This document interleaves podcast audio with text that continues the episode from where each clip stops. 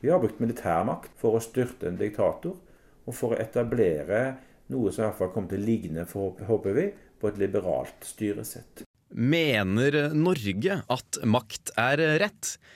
I dagens utgave av X-Fill-losen så skal vi snakke om sofistene, Sokrates menneskerettigheter, og prøve å knytte det her opp mot dagens politikk. X-Fill-los Mikael, på hvilken måte er det egentlig naturlig å trekke X-Fill inn i dagens politiske debatt? Jo, noe som er veldig synlig i dag, og et viktig tema, det er jo at det fins så mange kulturer i hvert land. Vi er et flerkulturelt samfunn. Og, det er jo noe som det, dukker opp spørsmål rundt det som faktisk dukka opp for veldig veldig mange år siden, allerede i antikkens Hellas. Og fordi at det var en del kulturkrasjer. Det var liksom de første kulturkrasjene. og man oppdager at uh, folk gjør rare ting andre steder. Er andre ting som er rett å gjøre der enn der, og som er rett å gjøre her. Og da dukker det naturligvis opp spørsmål uh, som er knytta til menneskelig handling, politikk i samfunn, det å leve sammen. Og, og, Forrige gang så snakka vi om naturfilosofene, vi snakka om Zenon. Og da var det fokus på på naturen og naturlover og sånn.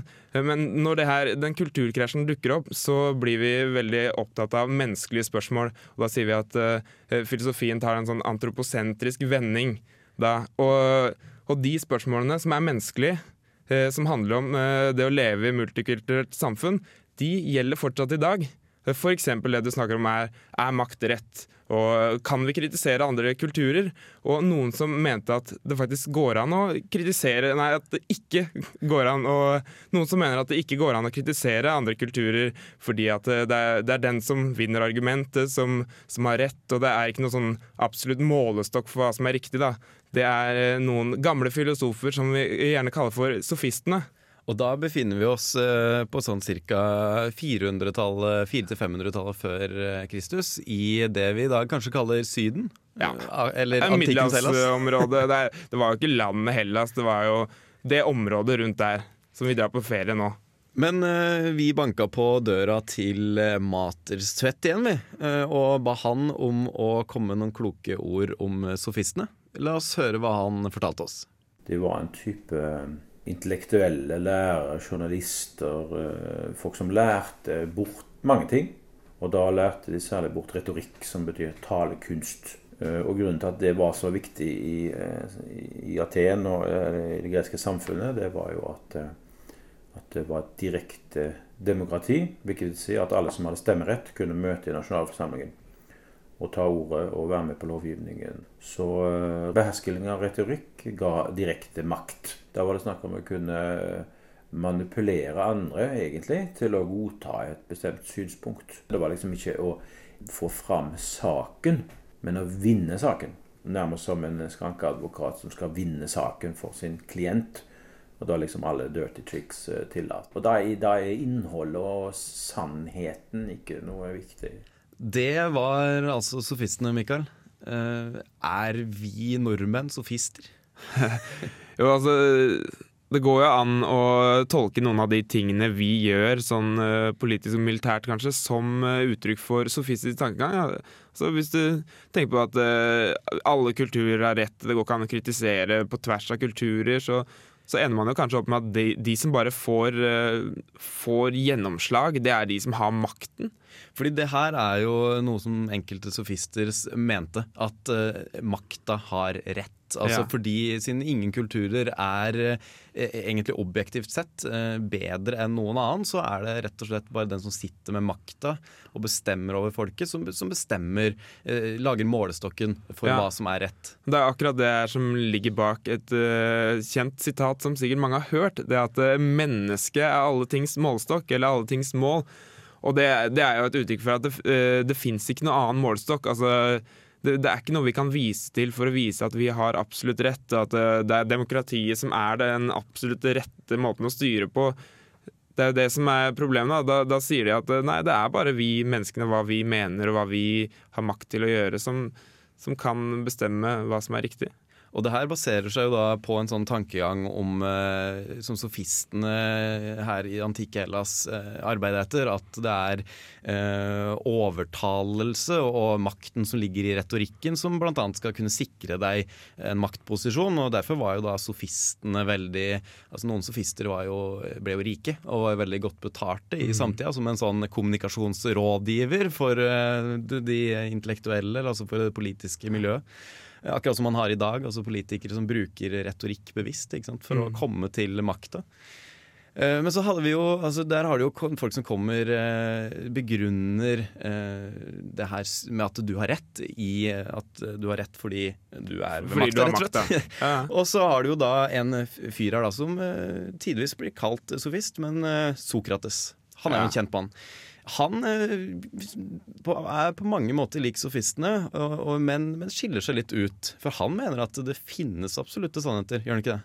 Jo, altså han blir jo gjerne eh, fremstilt som en motsetning, da. Altså, han, han ville ikke gått med på at det er uh, mennesket som er individet som har som er målestokken, at hvem som helst kan bestemme hva som er rett. Han, han vil si at det er, eh, det er, et eller annet med menneskenaturen som er felles for alle mennesker, som er den målestokken. da. For det her er jo da forskjellen, altså der Sokrates eh, historisk sett trekkes fram eh, som, eh, som, viktig. At han eh, igjen markerer et skille hvor han eh, virkelig ser, altså ser, eh, på en sånn fellesnevner for menneskeheten, om du kan si det sånn. Det er ikke, det er ikke enkeltmennesket og den kulturen, kultursfæra vi skaper, som, mm. som, egentlig er det som er rett. Men, men det, det, er noe i oss, eller eventuelt i en slags verden, gudeverden eller noe utenfor oss, kanskje, som, som bestemmer hva som er rett. Jeg, jeg tror nok nok for Sokrates så var så var det, det med menneskenaturen. Og det, da ser de at dette ligner på en moderne humanisme. Uh, altså, man kan si at det er tanken bak menneskerettighetene. Uh, det er at det er et eller annet uh, felles for alle. Som vi kan komme fram til. Og da kan vi, da, da kan vi liksom banke i bordet med menneskerettighetene og si at nei, det er dette som er rett. Det er her Målestokken det er FN. Målestokken er ikke liksom hvert enkelt menneske eller hver enkelt kultur.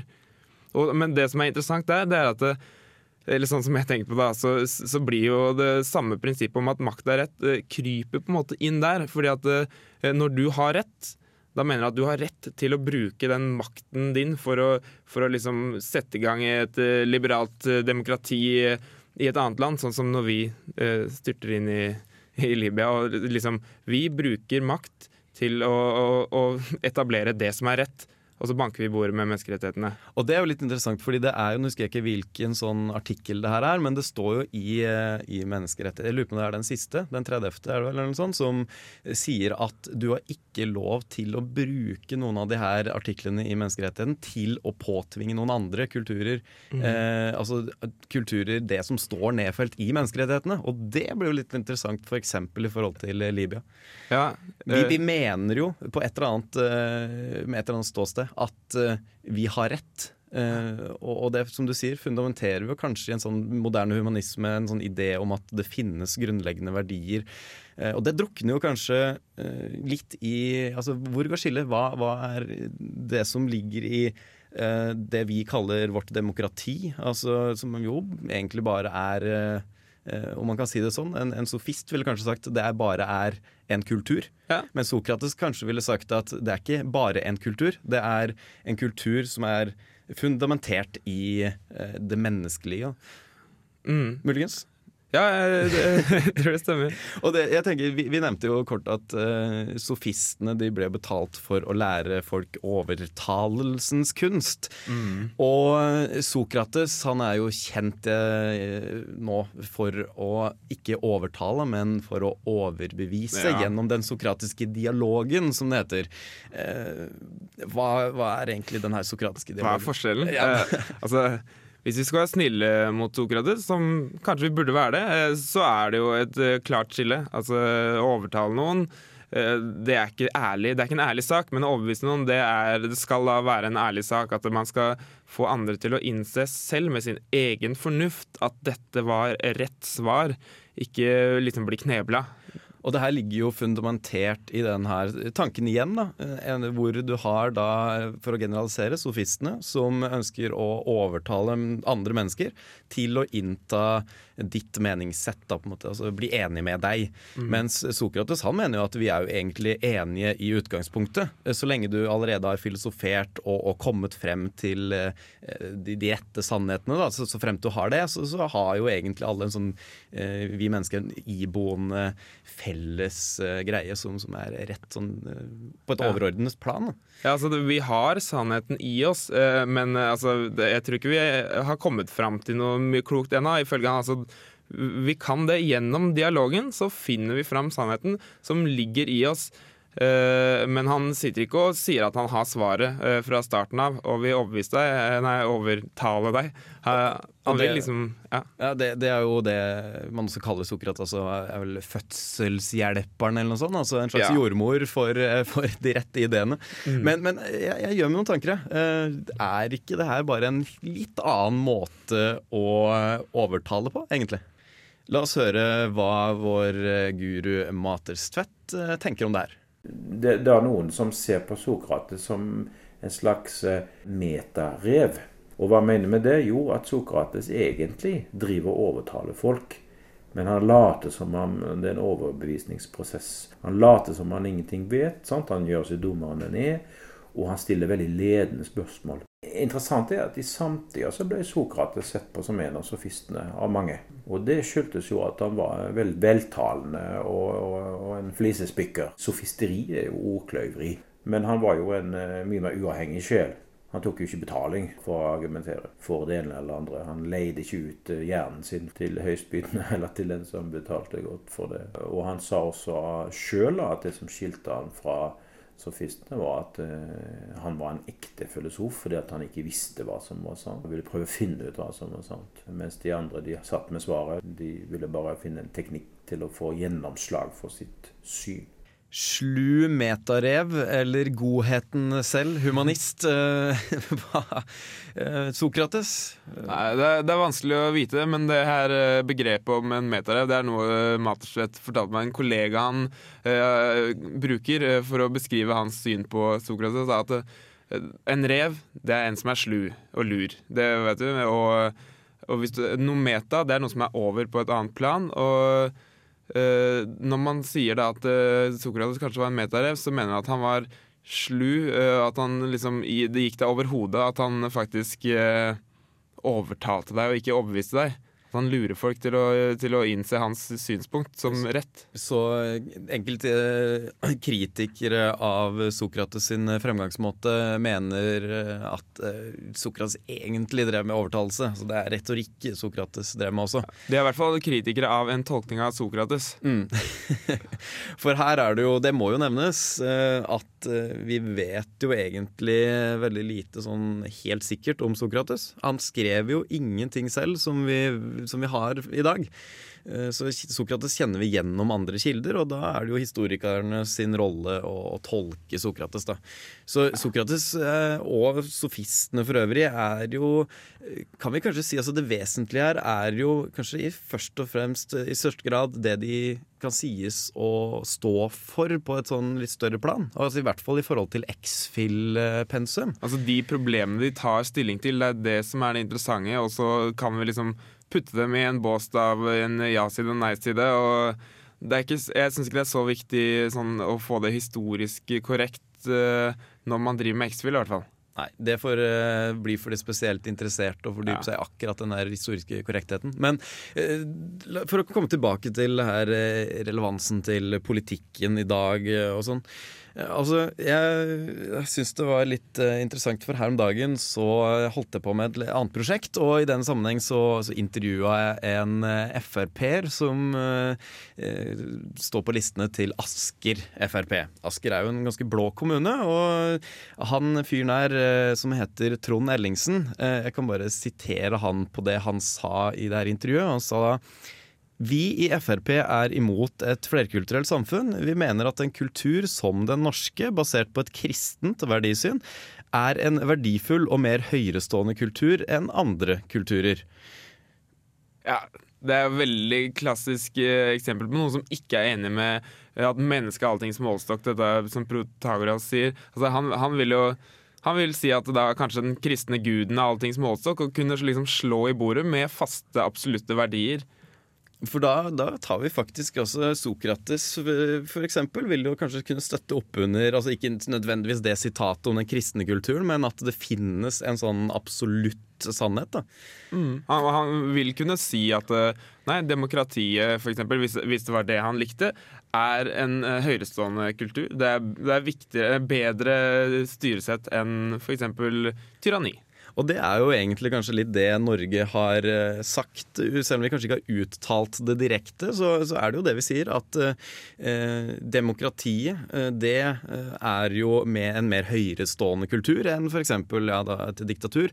Og, og, og, hvordan fundamenterer vi det her? Jo, det er jo da i, i menneskerettighetene f.eks. Vi viser til at i større grad så, så er det ikke brudd på menneskerettighetene i Norge enn et land som da eh, Libya, f.eks. Uh, mm, ja, vi, vi, spekulerte jo i stad om, om når, når, Norge faktisk tvinger inn sitt styresett i andre land, om det er et eksempel på at makt er rett. Og da, da, går det an å si at eh, så lenge de lar være å ta en dialog på forhånd og prøve å bli enig, så er det det. Men hvis man har en sånn rasjonal bak det. At eh, liksom, eh, vi vet at vi har rett, men ikke på bakgrunn av at vi har makt. Men på grunn av et eller annet argument eller noe sånt noe.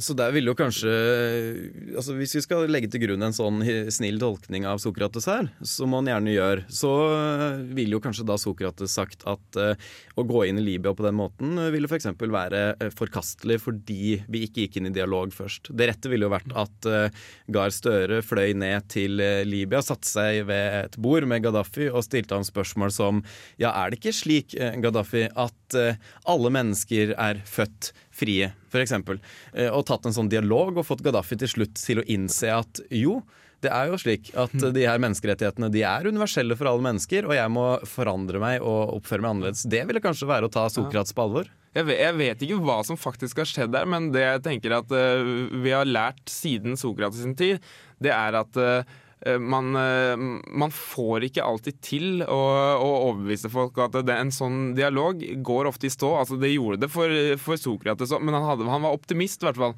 Men kanskje vi ikke er like optimister lenger om at vi kommer fram til et sånt svar gjennom dialog. Det er derfor vi tyr til makt. Det er eh, vanskelige spørsmål der, egentlig. Og, og jeg tror vi har kommet litt innpå i dag det her med at de hadde sånne her diskusjoner om kulturrelativisme allerede på 400-tallet før Kristus. Og at det er en debatt som er høyaktuell og tatt opp igjen i dag. Da. Uh, og da må man nevne ord som med fare for å høres flåsete ut, altså internett og, og, og, flerkulturelle samfunn og sånne ting, som jo er plutselig har virkelig blussa opp igjen og er en, en stor, het debatt. Da.